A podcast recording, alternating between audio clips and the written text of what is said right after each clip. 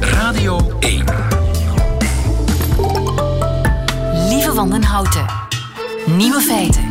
Dag en welkom bij de Nieuwe Feiten podcast van 2 oktober 2020. In het nieuws vandaag dat in Engeland het allereerste Poo Performance tankstation in gebruik is genomen. Het staat op de terreinen van een melkveebedrijf in Buckinghamshire, waar de drijfmest van zo'n 500 koeien wordt gebruikt om biobrandstof te produceren. U kan er uw wagen nog niet laten volgooien. De beerbenzine wordt voorlopig alleen gebruikt om twee melkvrachtwagens mee aan te drijven die samen naar verwachting ongeveer 90.000 kilometer zullen afleggen. Het equivalent van 23 autoritten rond de wereld. Geen scheet in een fles dus. De andere nieuwe feiten. Donald Trump is besmet met het coronavirus. Japan wil komaf maken met de fax en de stempel. In sommige vaccins die in de maak zijn tegen corona zit een ingrediënt dat uit de lever van haaien komt. En Sander van Horen, de NOS-man in Brussel, is niet overdreven enthousiast over onze nieuwe regering. De nieuwe feiten van Hugo Matthijssen, u hoort ze in zijn middagjournaal. Veel plezier. Nieuwe feiten. Nancy Pelosi krijgt de raad om ook in quarantaine te gaan nadat eerder president Trump positief getest werd op corona. Want de kans bestaat dat zij het roer in het Witte Huis moet overnemen. Michiel Vos, goedemiddag. Goedemiddag, Dieven. Schoonzoon van Nancy Pelosi, de voorzitter van eh, het Amerikaanse parlement. Hoe groot is die kans dat mevrouw uw schoonmoeder het roer moet overnemen? Gelukkig is die kans heel klein, lieven. Nee, kijk, Mike Pence, vicepresident, gaat voor. Dan is in principe een, een tweede optie daarna, maar dan moet die ook nog omvallen, de speaker van het Huis van Afgevaardigden, in dit geval mijn schoonmoeder. Dat is nog nooit voorgekomen, dat zal ook niet zomaar voorkomen, want we hebben ook nog een verkiezing natuurlijk over vijf.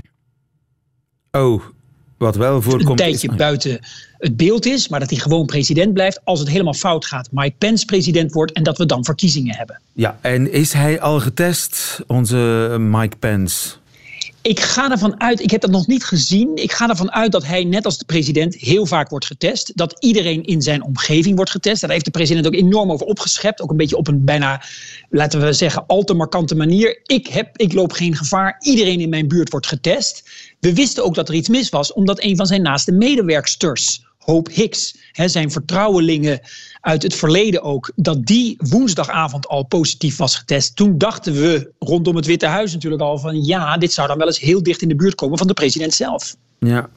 Nu, uh, dinsdagnacht tijdens het debat maakte Trump zich nog vrolijk over het gigantische mondmasker van zijn opponent Joe Biden die het te pas en te onpas zou dragen, terwijl hij, de president, alleen maar als het echt moet. When needed, I wear masks. Okay, let me ask. I don't have. I don't wear masks like him. Every time you see him, he's got a mask. He could be speaking 200 feet away from it, he shows up with the biggest mask I've ever seen. Ja, Biden de bange wezel, overvoorzichtig met zijn gigantische mondmasker. Uh, maar misschien had Biden wel gelijk, bleek dus vanmorgen. The president of the United States now confirming to the world that he and the first lady of the, of the United States have both tested positive for the coronavirus and they will quarantine. The president tweeting out just moments ago here in the United States, 12:54 a.m., said tonight that Flotus and I uh, and I tested positive for COVID-19. We will begin our quarantine and recovery process immediately. We will get through this together. Hoe ziek is de president? Weten we dat, Michiel? Nee, dat weten we niet. Hij zei dat we weten één verklaring dat ze zich beide onder omstandigheden goed voelen of redelijk. We weten niet hoe ziek die is. Ik zou ook niet 1, 2, 3 vertrouwen zo snel een verklaring vanuit het Witte Huis. Dit is de man, laten we even heel duidelijk zijn. We kunnen natuurlijk wel nu een beetje leuk over die ziekte gaan praten. Maar dit is de man die natuurlijk maandenlang als een soort dokter Donald J. Trump het virus heeft gemaakt. Het virus heeft weggehaald als een soort van China-virus, Kung Flu, noem maar op. Tot op het podium, zoals jij terecht al aanhaalde, zijn tegenstander belachelijk maakte met zijn masker. Ja, dan is het heel moeilijk voor een deel van Amerika om nu niet een beetje te zeggen: ja, vriend, nou moet je niet komen zeuren dat we hier samen, volgens jouw verklaring, doorheen komen. Ja, samen met je First Lady, maar toch niet samen met ons. Jij hebt ons maandenlang belachelijk gemaakt. Ook New York heeft die belachelijk gemaakt. New York, de stad waar deze dit virus zo ernstig heeft toegeslagen, waar zoveel doden zijn gevallen, zijn stad. Eh, je ziet nu al de reacties van eh, celebrities en anderen die natuurlijk niet kunnen nalaten dat dit karma is, bijvoorbeeld. Volgens, om maar iemand te noemen, Pachma Lakshmi, weet je wel, van de, van de eettelevisie in Amerika. dat is heel moeilijk om dat te ontkennen. Eigen schuld, dikke bultgevoel. Ik ga even naar Geert Mefroy. Hij is uh, intensivist van het UZ in Leuven, heeft heel veel ervaringen met uh, mensen met COVID-19. Uh, goedemiddag, meneer Mefroy. Goedemiddag. Goedemiddag. Uh, Trump is 74, dat is een risicoleeftijd voor corona. Gaat hij nu per definitie ziek worden? Kan het zijn dat een man van 74 niet ziek wordt van corona? Ja, zoals ik het begrepen heb, is hij inderdaad. Was hij niet ziek op het moment dat hij zijn diagnose kreeg, voor, zo, voor zover we daarop mogen voortgaan, maar is hij getest geweest omdat er iemand in zijn omgeving positief was? Het kan dat hij niet ziek wordt. Hij heeft natuurlijk een aantal dingen tegen. Het eerste is zijn leeftijd, zoals je al zei. En het tweede is zijn uh, toch wel duidelijk uh, mate van overgewicht. Dat zijn belangrijke uh, risicofactoren om een meer ernstige ziekte te ontwikkelen. Maar dat, wil daarom, dat is geen één op één relatie. Dat wil niet automatisch zeggen dat je dan ziek gaat worden. Er zijn ook zeventigers die, die redelijk milde symptomen hebben gehad. Maar hij zit in de risicogroep, dat is wel duidelijk. Hij zit in de risicogroep, maar het is niet ondenkbaar dat Donald Trump over een week of twee blakend van gezondheid op de televisie kan komen zeggen. Zie je wel dat het niet zo erg is, corona? Ja, dat kan, dat kan perfect. Dat kan perfect. Ja, en, en voor hetzelfde geld uh, ja, kan hij wel ook nog heel ziek worden. Dus beide, beide kunnen nog. Ja. ja, beide kunnen nog. Heel spannend. Uh, dankjewel, uh, Geert Mefroy, dat je, dat je heel even bij ons aan de telefoon wou komen. Ik hoop dat we Michiel nog steeds hebben, want de lijn deed een beetje raar. Michiel, hoor je dat? Het kan allebei. Hij kan of heel ziek worden, of hij kan over twee weken zeggen: zie je wel, niks aan de hand, corona. Ja, dat laatste, wat jij ook al aanhaalt, is voor hem natuurlijk politiek gezien, zou dat hem best uitkomen. Dan kan hij zeggen, vlak voor de verkiezingen, misschien nog tijdens een debat, hè, er zijn nog twee debatten op de 15e en de 22e oktober. Zie je wel, dat virus is helemaal niet zo erg, helemaal niet zo zwaar. Ik ben kerngezond, let's beat the virus. En dat kan dan een enorme bonus opleveren voor hem electoraal.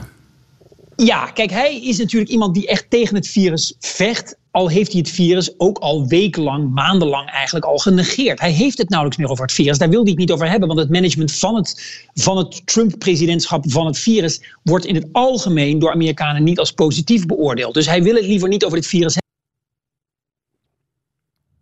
wordt. De komende week, twee weken. Daar zal hij toch niet aan komen. Ook al komt hij er goed uit. Wat we natuurlijk allemaal hopen. Iedereen hoopt natuurlijk dat de president, net zoals iedereen anders, dit overleeft. Maar, nogmaals, het is toch wel heel wrang dat deze man, die zich lange tijd als een soort van UV-stralende dokter heeft voorgesteld vanaf het podium in het Witte Huis, nu datzelfde virus heeft met FLOTUS, de First Lady of the United States. Ik bedoel, come on, zou ik bijna willen zeggen. Ja, maar het rare is dat, stel nu, stel nu dat hij inderdaad heel erg ziek wordt, wat zijn dan de mogelijke scenario's? Stel dat hij te ziek is om aan de verkiezingen deel te nemen, wat dan? Ja, dat is even een, dat is een goede vraag. Hij, als hij leeft, staat hij op het stembiljet, op het kiesbiljet. Dus dan zal je voor hem kunnen kiezen of voor Joe Biden. Als hij dan wordt herkozen, dan wordt of hij weer president, als hij leeft, als hij blijft leven, laten we daarvan uitgaan. Of zijn vicepresident wordt dan automatisch president. Want die is immers ook op dat kiesbiljet als nummer twee staat hij. Die kiesbiljetten die zijn er al. Zijn er al. Als hij sterft voor de verkiezingen, ja, dan wordt Mike Pence automatisch president. En ik ga er dan van uit dat Mike Pence dan automatisch de genomineerde zal worden van de Republikeinse Partij. Dat zou goed zijn voor de kansen van uh, Joe Biden. Maar dat zou het land natuurlijk wel in een crisis storten. Daar zitten we al in, maar dan wordt de crisis nog wel erger. En hoe gaat Biden nu hierop reageren? Uh, campagne opdrijven of juist op een lager pitje zetten lijkt me ook een dilemma. Er was niet meteen een reactie vanuit het Biden-kamp. Dus ik denk dat hij dit, laten we zeggen, keurig speelt. Ik wens hem uh, beterschap. Uh, we zien elkaar bij het debat. Voor de 15e uh, oktober hoeven ze elkaar niet te zien op één locatie hè, tijdens een nieuw debat, het tweede debat. Een town hall met kiezers. Ik denk dat Biden op zijn eigen voorzichtige manier vanuit die kelder, waar hij ook veel kritiek op krijgt, blijft campagne voeren. Dat hij natuurlijk denkt. Ja, zie je wel, dit is dus de juiste manier. In tijden van corona kun je niet rallies gaan houden. Je kan niet door het land vliegen met alle Hope Hicks heeft het waarschijnlijk aan hem gegeven, aan de president. Dus ja, er zijn redenen waarom medici zeggen je moet je aan de regels houden. Er is natuurlijk één meneer die zich vanaf het begin af aan niet aan de regels heeft gehouden en dat is de president zelf. En nu zal zijn immuunsysteem bepalen hoe de rest van de verkiezingen verlopen en misschien uh, hoe, de, hoe de rest van de campagne verloopt en misschien zelfs de uitslag bepalen, dat immuunsysteem. Ja, nou moet ik zeggen dat ik altijd vind als niet-dokter, ik ben geen medicus, dus wat weet ik nou, dat ik vind dat hij altijd een zeer energieke, gezonde, hij is inderdaad wat aan de overgewicht kant, maar hij maakt altijd een, ook tijdens het debat weer, wat je verder van de toon vindt, de man is uiterst energiek, heeft nog volgens mij geen dag gemist. Hij is een keer in een ziekenhuis geweest wegens een controle die buiten het uh, schema lag. Daar waren toen wat wenkbrauwen die daarover werden opgetrokken. Maar in principe zien we hem in Amerika als een zeer uh, gezonde, laten we zeggen, energieke 74 jaar oude man. Dus op zich zou hij wel een stootje moeten kunnen hebben. Maar nogmaals, ik ben geen dokter, dus ik weet niet hoe dit zich kan ontwikkelen. En de dokter net horende. Ja, van een uh, oktoberverrassing. en overgewicht. Van een oktoberverrassing gesproken, Michiel Vos, uh, zoals uh, de meeste presidentiële campagnes in Amerika er eentje hebben. Dit is er een. Dankjewel, Michiel Vos, en blijf het voor ons volgen. Goedemiddag. Nieuwe feiten.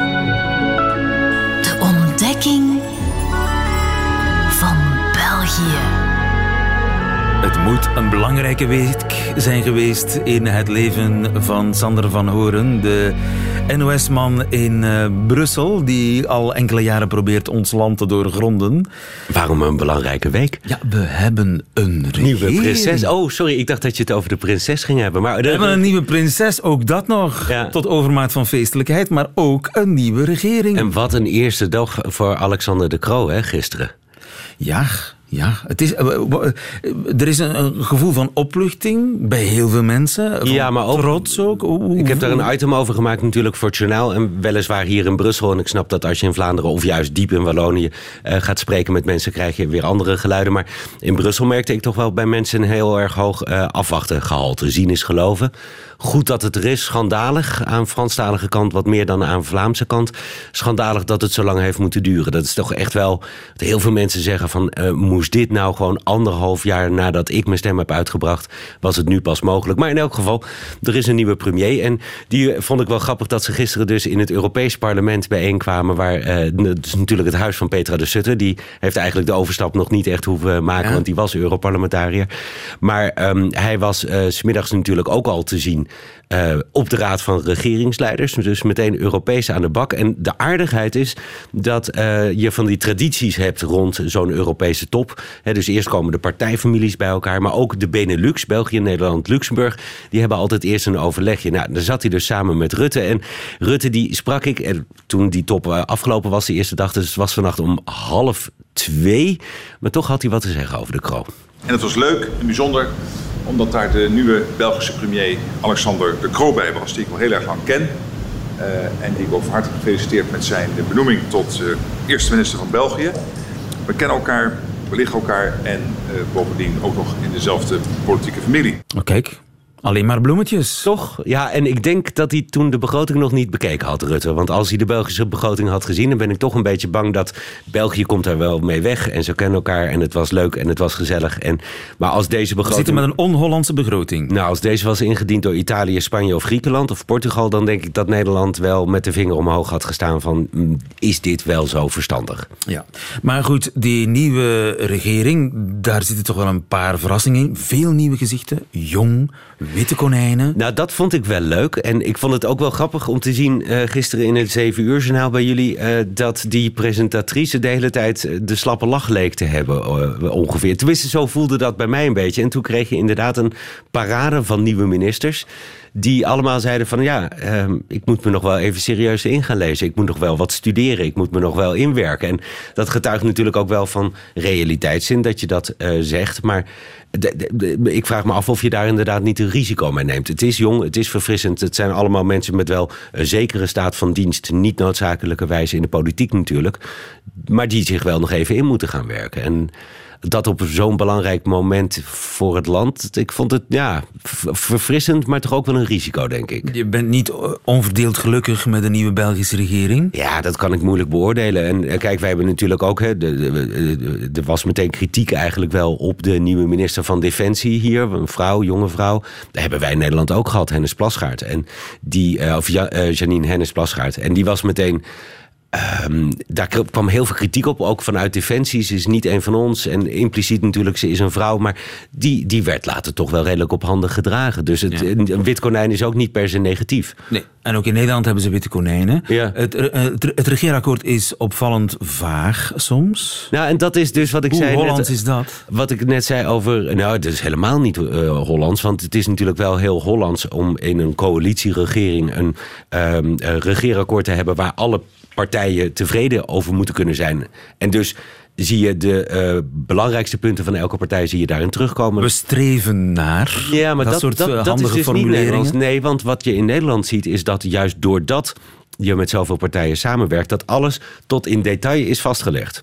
Omdat je dus ook wil voorkomen later dat het eh, over drie jaar eh, in een debat in de Twe- Tweede Kamer opeens problemen gaat opleveren. Dus het idee van een Nederlandse regeerakkoord is altijd dat dat een soort wetboek is voor de hele legislatuur. Dus dat je de hele volle periode kunt zeggen van ja, maar dat hebben we toen afgesproken. En die vaagheid is dus voor Nederlandse begrippen een, een, een probleem. Maar vooral ook, ik, ik zei het daarnet al, eh, Rutte had de begroting waarschijnlijk nog niet gezien. De vaagheid over de inkomsten en de uitgaven. Want wat mij opvalt dan, is dat er toch wel heel veel geld wordt uitgegeven aan eh, verhoging van de pensioenen en verhoging van het minimumloon. Ehm, dat, dat kun je op zich zeggen. Ik weet niet hoe het is om als gepensioneerde in België te leven. Alleen dat zijn uitgaven die niet bijdragen aan de productiviteit. En dat is dus iets waar Nederland eh, rond eh, de onderhandelingen over de nieuwe Europese meerjarenbegroting zo hard op inzet. Hè, samen met die Frugal Four, die ge- vrekkige vier. ehm, was het idee, als je geld leent, of als je geld krijgt uit de Europese Unie, dan moet je zorgen dat je later eh, weerbaarder bent. En dat je dus hebt geïnvesteerd in banen. Maar daar is jullie regeerakkoord vaag over. Dat je investeert in digitalisering. Maar daar is het regeerakkoord vaag over. Dat je investeert in infrastructuur. Maar daar is het regeerakkoord vaag over. Dat je eh, investeert in groene energie. Maar over de kernenergie eh, blijft het regeerakkoord vaag. Met andere woorden, dat zijn dingen waar het dan vaag is. Concreet wordt het op eh, uitgaven die geld kosten, maar geen geld opleveren. Met alle respect, een hoog pensioen is goed voor de mensen om wie het gaat. En misschien heel rechtvaardig, maar het levert geen geld op. Ja, en dat is dus met het oog op de toekomst een, een risico. Belgisch vaag, zullen we maar zeggen. Nou, maar gevaarlijk Belgisch vaag, omdat het leuk is voor de mensen nu en leuk is om die zeven partijen bij elkaar te brengen. Maar de kinderen van nu, die gaan daar dus later de rekening voor betalen.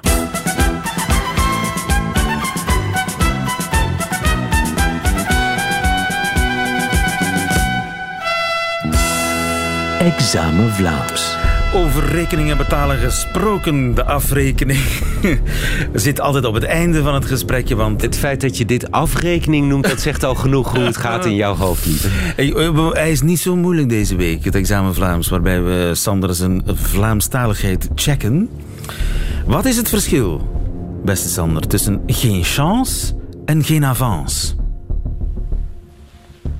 Ehm, geen chance. Eh, goh, eh, ik, ik zit het wel in de, de, de, hoek van het daten te zoeken. Zit ik dan goed of niet? Nee, nee, want chance bij ons. Maar dan, dan is Dat het is, gewoon... dat is typisch Hollandse chance, is eigenlijk, eh, daar zeggen wij touche tegen. Ja, oké, maar goed, dan, dan is het geen... Touche, wat is touche? Touche is eh, eh, een, een, een connectie hebben of in elk geval flirten met iemand, zou ik Juist. dan zeggen. En dat, is touche, dat betekent ja, ik zie hem of haar wel zitten en eh, ik krijg signalen dat dat... Chance hebben dus. Chance hebben, Ja. inderdaad. Maar ik denk dat maar jij chance bedoelde- hebben in, in Vlaanderen is iets helemaal anders. Dat is gewoon kans hebben. geluk hebben. Geluk hebben, ja, precies. Ja. Geen chance, geen, chance. geluk, Ja. En geen, geen avance. geen vooruitgang. Geen voortgang. Het helpt niet, het is geen avance. Het helpt niet. Ja, ja, oké. ja. Wat je doet, dat is, dat, is geen avance, want het zal niet helpen. Oké. Dat is het verschil tussen geen chance en geen avance. Enkel geld. Wat is enkel geld? Maar in een zin zou ik zeggen van eh, maak je niet druk, het is maar geld. Maar dat zal enkel geld... Goed geprobeerd. Doe eens een context. Heb jij enkel geld bij? Cash. Juist. Nee, ja, nee, nee, nee, nee, nee, nee, eigenlijk niet. Munten. Juist. Oké. Oké. Muntgeld is enkel geld. Oké. Wisselgeld. eigenlijk. wisselgeld. Enkel geld. Ik Ja. weet ook niet waar het vandaan komt. Iedereen in Vlaanderen gebruikt Gebruiken wij niet. Nee. het. Geen vetten. Ja, context, kom. Dit kan van alles zijn. Dit examen Vlaams Geen vetten. Oh, dat is uh, uh, niet heel uh, riant. hakken over de sloot. Magertjes. Magertjes. Het is geen vet. Geen, geen vetten. En het, je had me een makkelijke beloofd. Ja, dit was nogthans een makkelijk. Dit was in, in ieder geval. elke Vlaming zou dit drie op drie hebben gehad. Ik heb nog veel te leren. Je hebt nog veel te leren, maar je leert elke week bij. Zo niet over onze taal, dan zeker over onze politieke zeden. Tot volgende week. Sander van der Radio 1. Nieuwe feiten. Een van de ingrediënten van een vaccin tegen corona is haai. En dat is slecht nieuws uiteraard voor de haaien, want uh, volgens sommige berekeningen moeten er een half miljoen haaien geslacht worden. Dus ofwel gaan wij naar de haaien, ofwel de haaien zelf. Johan Neits, goedemiddag. Goedemiddag. Viroloog aan de Universiteit van Leuven. Uh, u bouwt aan een eigen vaccin tegen COVID-19. Heeft u haai nodig? we hebben geen haaien nodig. Um, en trouwens, wat men nodig heeft, dus voor bepaalde andere vaccins, is een soort van olie dat men vindt in de lever uh, van haaien. Maar ons vaccinkandidaat heeft dat niet nodig. Maar er zijn eh, vaccinkandidaten die dat wel nodig hebben. Ja, en de reden is eigenlijk, dus er bestaan natuurlijk verschillende technologieën om vaccins te maken, en in dit geval ook tegen SARS-corona. Um, en als je, dus iedereen kan zich wel het partikeltje uh, corona voorstellen, dus een soort van bal, en daarop staan uitsteeksels, uh, spikes. En wat men doet in sommige van die vaccins, is men neemt eigenlijk die, men produceert, men maakt die aan in het labo, die, die uitsteeksels, en die gebruikt men om mensen mee te vaccineren. En dan gaat het immuunsysteem, het afweersysteem, antistoffen aanmaken en zou er uh, bescherming moeten zijn. Maar nu, om te zorgen dat die, dat die stukjes eiwitten, dus die uitsteeksels, die spikes, dat die goed worden blootgesteld aan het immuunsysteem, gaat men die formuleren in een, in een, in een olieachtige substantie. Um, en dat maakt dan, dat wordt een soort van emulsie, dat wordt dan makkelijker... Uh, een soort van levertraan eigenlijk. Eh, ja, het lijkt misschien wel een beetje op levertraan, hè? een soort van emulsie. En dat maakt dan eigenlijk dat die, dat die eiwitten efficiënter worden herkend door het immuunsysteem en dus ook dat de opbouw van immuniteit beter is. En dat is ook voor mensen die ouder zijn, waar het immuunsysteem sowieso al niet uh, zo heel optimaal functioneert altijd, om ook te zorgen bijvoorbeeld hè, dat bij ouderen uh, dat, die, uh, dat die een goede opbouw krijgen van immuniteit, afweer tegen, tegen de aandoening. Ja. En dus ja, voor bepaalde vaccins is dat nodig en voor andere vaccins is dat absoluut niet nodig. Ja, en voor sommige vaccins is dat wel nodig. Die berekeningen van een half miljoen haaien die zouden geslacht moeten worden, slaat dat ergens op, dat cijfer? Zou dat kunnen? Ja, ik, heb dat niet, ik, heb, ik heb dat niet nagerekend, dat weet ik echt niet. Het is een schatting van een milieuorganisatie. Uh, dus per dosis van uh, zo'n vaccin waarop, uh, of waarvoor men dit nodig heeft, eigenlijk een soort van adjuvans noemt men dat, dat zou ongeveer 10 milligram per vaccindosis zijn. En dan moet je natuurlijk gaan rekenen hoeveel vaccindosissen denken ze te maken, die bedrijven die op die manier werken. zullen ze één keer een dosis moeten geven of twee keer een dosis? Ik denk dat de meeste vaccinkandidaten in ontwikkeling die op deze technologie gebaseerd zijn, dat die twee keer een dosis moeten geven met telkens een maand tussen. Dus ik weet totaal niet, ik heb de berekening niet, niet gemaakt hoeveel uh, ja, leverolie er is bij die haaien en hoeveel haaien dan moeten worden geslacht. Nu, het is wel zo dat men is ondertussen ook wel op zoek naar uh, manieren om dat, die stof, en die stof, de naam daarvan is squalene, verwijst ook naar de Latijnse naam van, van de familie van de haaien. Um, dat men probeert met andere methoden dat te maken. Een soort substituut te vinden voor dat squalene. Substituut, maar eigenlijk, ja, eigenlijk dus exact hetzelfde moleculen, maar dan um, vanuit een andere bron. En bijvoorbeeld suikerriet, daar vindt men dat ook in. Trouwens, dat is een heel natuurlijke substantie. Hè. We vinden dat ook in talgklieren en onze huid. Produceren ook uh, squalene. Dus dat, dat, dat is niks raar. Dat is gewoon een ja, welruikende olie. Uh, maar die toevallig in de lever van, van haaien veel voorkomt. En heeft ook te maken met het feit dat uh, daardoor dat haaien blijkbaar op, op eh, grote diepte in de oceaan uh, beter blijven drijven, heb ik mij laten vertellen. Dus het is lang niet zeker dat er heel veel haaien moeten sneuvelen voor het coronavaccin?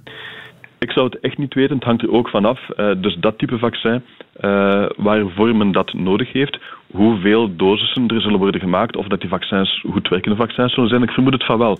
Uh, wat, wat ik zie is dat dat, dat behoorlijk goede vaccins zijn.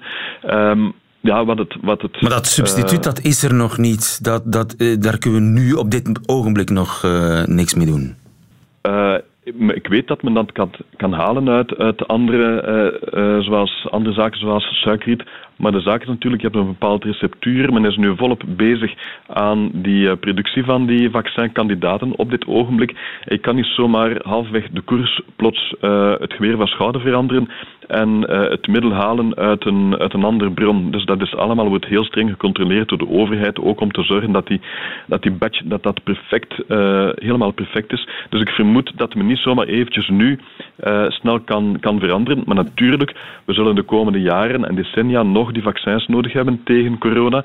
En ik denk dat het ondertussen wel goed is om te gaan zoeken naar alternatieven, of die zoektocht naar die alternatieven ja, te, te versnellen en, en te zorgen dat je inderdaad vanuit planten, hopelijk, ja, het is niet mijn vakgebied, maar ik hoop dat men dat uit planten uh, efficiënter kan gaan isoleren en dat men dan niet meer uh, die, uh, die haaien moet afslachten. Maar wat veel mensen misschien ook niet weten, is dat squalene wordt ook gebruikt in, in cosmetica, in gezondheidsproducten. En dus vele van de haaien die worden afgeslacht voor squalene, worden afgeslacht omwille van cosmetica-producten bijvoorbeeld. Oeh, dus er is nog een reden te meer om op zoek te gaan naar een Absoluut. substituut voor de, de haaienlever. Johan Nijts, dankjewel. Goedemiddag. Dank u. Radio 1. Nieuwe feiten. Wanneer heeft u voor het laatst een fax gestuurd? Ik denk in 1998 of zoiets. En een stempel.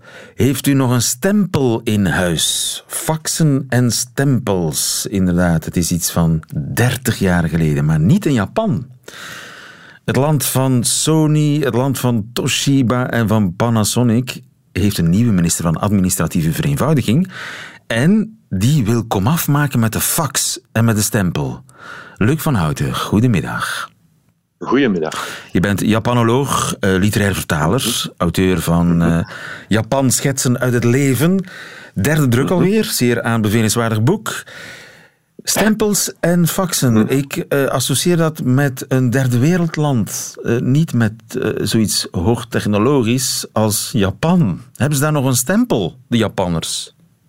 Een stempel zeker, ja. Die faxen die zijn ook wel een beetje een natuurlijke dood aan het sterven. Maar die stempels, dat, is, ja, dat wordt meer beschouwd als nog een soort ja, cultureel erfgoed, zeg maar. Daar hangen ze nog aan vast. Ja. En heeft elke Japanner zijn eigen stempel?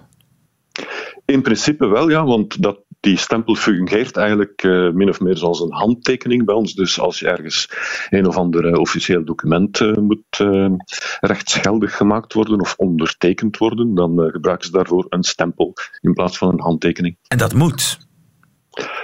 Uh, wel, dat is ook aan het evolueren. In principe kun je ook een handtekening gebruiken. Bijvoorbeeld uh, een buitenlander zoals ik, uh, die natuurlijk niet zo'n officiële stempel heeft, die kan ook gewoon zijn handtekening gebruiken zoals bij ons.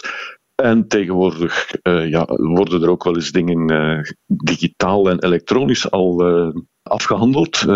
Dus zoals wij dat ook doen, in plaats van een fysieke handtekening. Maar dat hangt toch nog wel heel erg uh, vast in de hoofden van de meeste Japanners dat het zo'n stempeltje moet zijn om het echt officieel te maken. Ja, ja. En hoe, hoe ziet zo'n zo'n stempeltje eruit?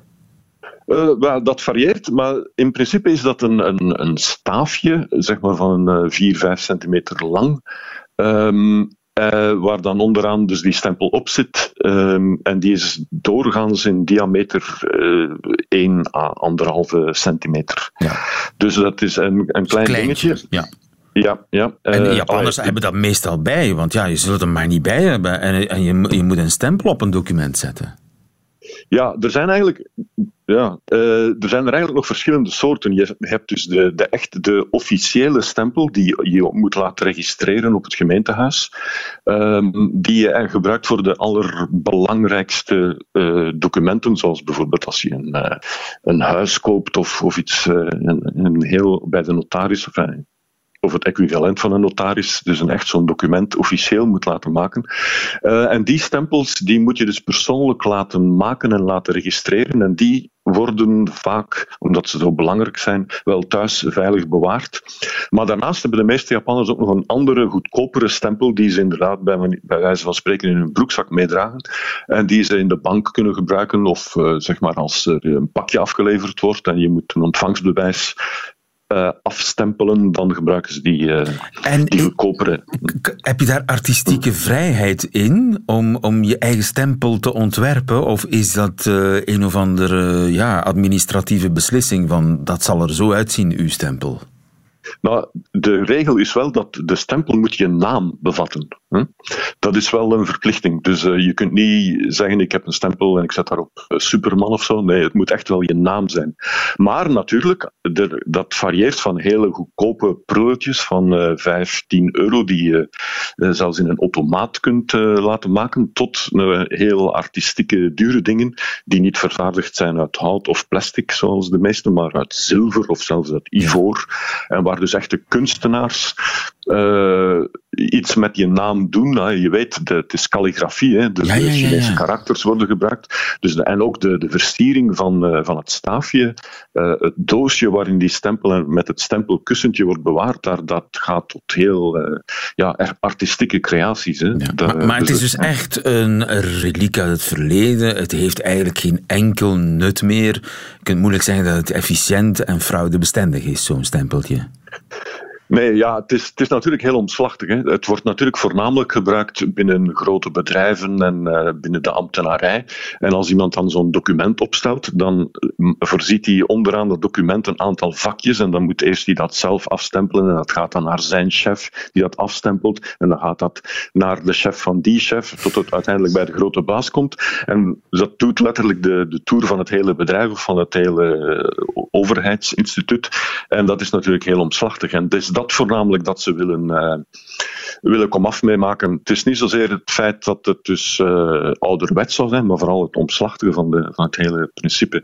Uh, dus dat, dat begint te storen bij sommige mensen. Ja, maar Japan is een land dat kennelijk toch heel erg vasthoudt aan de tradities. Geldt dat eigenlijk ook voor de fax? Overal elders, zeker bij ons, is die volledig uitgestorven. Niet zo in het hoogtechnologische Japan. Is daar een verklaring voor?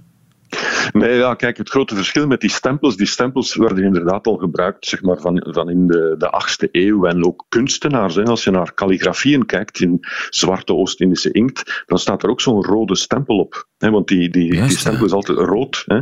Dus dat, dat is ook iets dat al eeuwen, eeuwenlang meegaat natuurlijk. De die faxen, hè? dat kun, nee, nee, dat kun je moeilijk culturele traditie noemen. Uh, ja, ik, ik heb zelf persoonlijk ook uh, mijn, mijn, mijn fax hier thuis nog langer gehouden, omdat ik nog af en toe uh, faxen uit uh, Japan kreeg. Um, wat daar nu precies de verklaring voor is, is ook niet echt duidelijk. Uh, een jaar of 20, 25 geleden, toen werd omgeschakeld naar e-mail en, en sms en van die dingen, was er nog even een probleem om dat Japanse schrift daaraan aan te passen. En dat was één reden waarom de fax Ah, nog wat langer werd gebruikt. Het is, Ja. eh, Maar bij, bij de start van e-mail en sms-verkeer, dan ja, heeft het natuurlijk nog een tijdje geduurd voor, voor het Japanse schrift ook aangepast werd aan die technologie. Ja, ik herinner me in het begin, eh, als ik, als ik sms'te met Japanners eh, met de mobiele telefoon, dat dat eh, in het alfabet nog moest. Dat heeft een tijdje geduurd. Natuurlijk, dat is ook alweer twintig jaar geleden. Dus op die manier is die fax natuurlijk, wordt die steeds minder en minder en minder gebruikt. Maar ja, bedoel, ja het, is, het gaat over de ambtenarij. En de ambtenarij in Japan is niet anders dan hier. Dus de veranderingen daar gebeuren langzaam, zullen we maar zeggen. Maar dus eindelijk proberen ze het faxapparaat op het containerpark te gooien. De Japanners dankzij een eh, nieuwe minister van Administratieve Vereenvoudiging die de strijd aanbindt tegen de stempel en tegen de fax. Dankjewel, Luc van Houten. Goedemiddag. Oké, dag. Nieuwe feiten. Dat waren ze, de nieuwe feiten van 2 oktober 2020. Alleen nog die van Hugo Matthijssen krijgt u in zijn middagjournaal. Nieuwe feiten. Middagjournaal. Beste luisteraars, toen men mij vroeg om een week lang het middagjournaal te verzorgen in dit programma en men heeft mij dat heel uitdrukkelijk gevraagd, heb ik daar lang over nagedacht. En uiteindelijk heb ik gezegd, oké, ik zal dat doen. zo zie ik ook mijn rol, want ik kan mij vinden in dat project. Dit is namelijk geen grijs project, maar een project dat ertoe doet. Een project, met andere woorden, dat mij aansprak en nog steeds aanspreekt. Men kwam dus, als ik het mag samenvatten, bij mij aankloppen en ik heb geluisterd omdat ik vind dat luisteren belangrijk is. Ook als er dingen worden gezegd waar je het niet mee eens bent, want dan kan je zelf ook vragen stellen, zodat je weet wat daar precies aan de hand is. Je moet dus juist communiceren en een bepaalde empathie aan de dag leggen. En dan kan zo'n middagjournaal, hoe eenvoudig het ook lijkt, maar ik kan zeggen, niets is eenvoudig en vooral niet de dingen die eenvoudig lijken. En vooral bij ingewikkelde materie kan dat lelijk tegenvallen. Wel, dan kan zo'n middagjournaal een keerpunt betekenen. Een keerpunt vooral op moeilijke momenten. En die mogen we zeker niet uit de weg gaan. Dat vind ik belangrijk, want ik ben iemand die gelooft dat je ook in moeilijke momenten de dingen kan veranderen. Uiteraard binnen een bepaald kader binnen de mogelijkheden en met de middelen die je hebt, en die zijn niet eindeloos. Een goede omkadering is daarbij belangrijk. Een team met een mix van ervaring en jeugdig enthousiasme en, dat wil ik toch even onderlijnen, daar hoort ook een oog bij. Niet zomaar een oog, maar een oog voor de omstandigheden en het maatschappelijk klimaat waarbinnen je die taak tot een goed einde moet proberen te brengen. Maar met een oog alleen kom je er niet. Je moet ook een oor hebben, een oor voor de gevoeligheden die leven en waar je rekening mee moet houden. Dat is dan meteen iets dat je in het oog, waarover we het eerder al hadden, moet houden, maar vooral in dat oor knopen. Of in allebei. De oren dus, dan kan je er meteen op slapen. Kortom, men heeft mij gevraagd om een week lang het middagjournaal te verzorgen in dit programma. En dat heb ik ook gedaan. Maar niet, ik herhaal het, niet zonder daar vooraf goed over na te denken. Graag gedaan.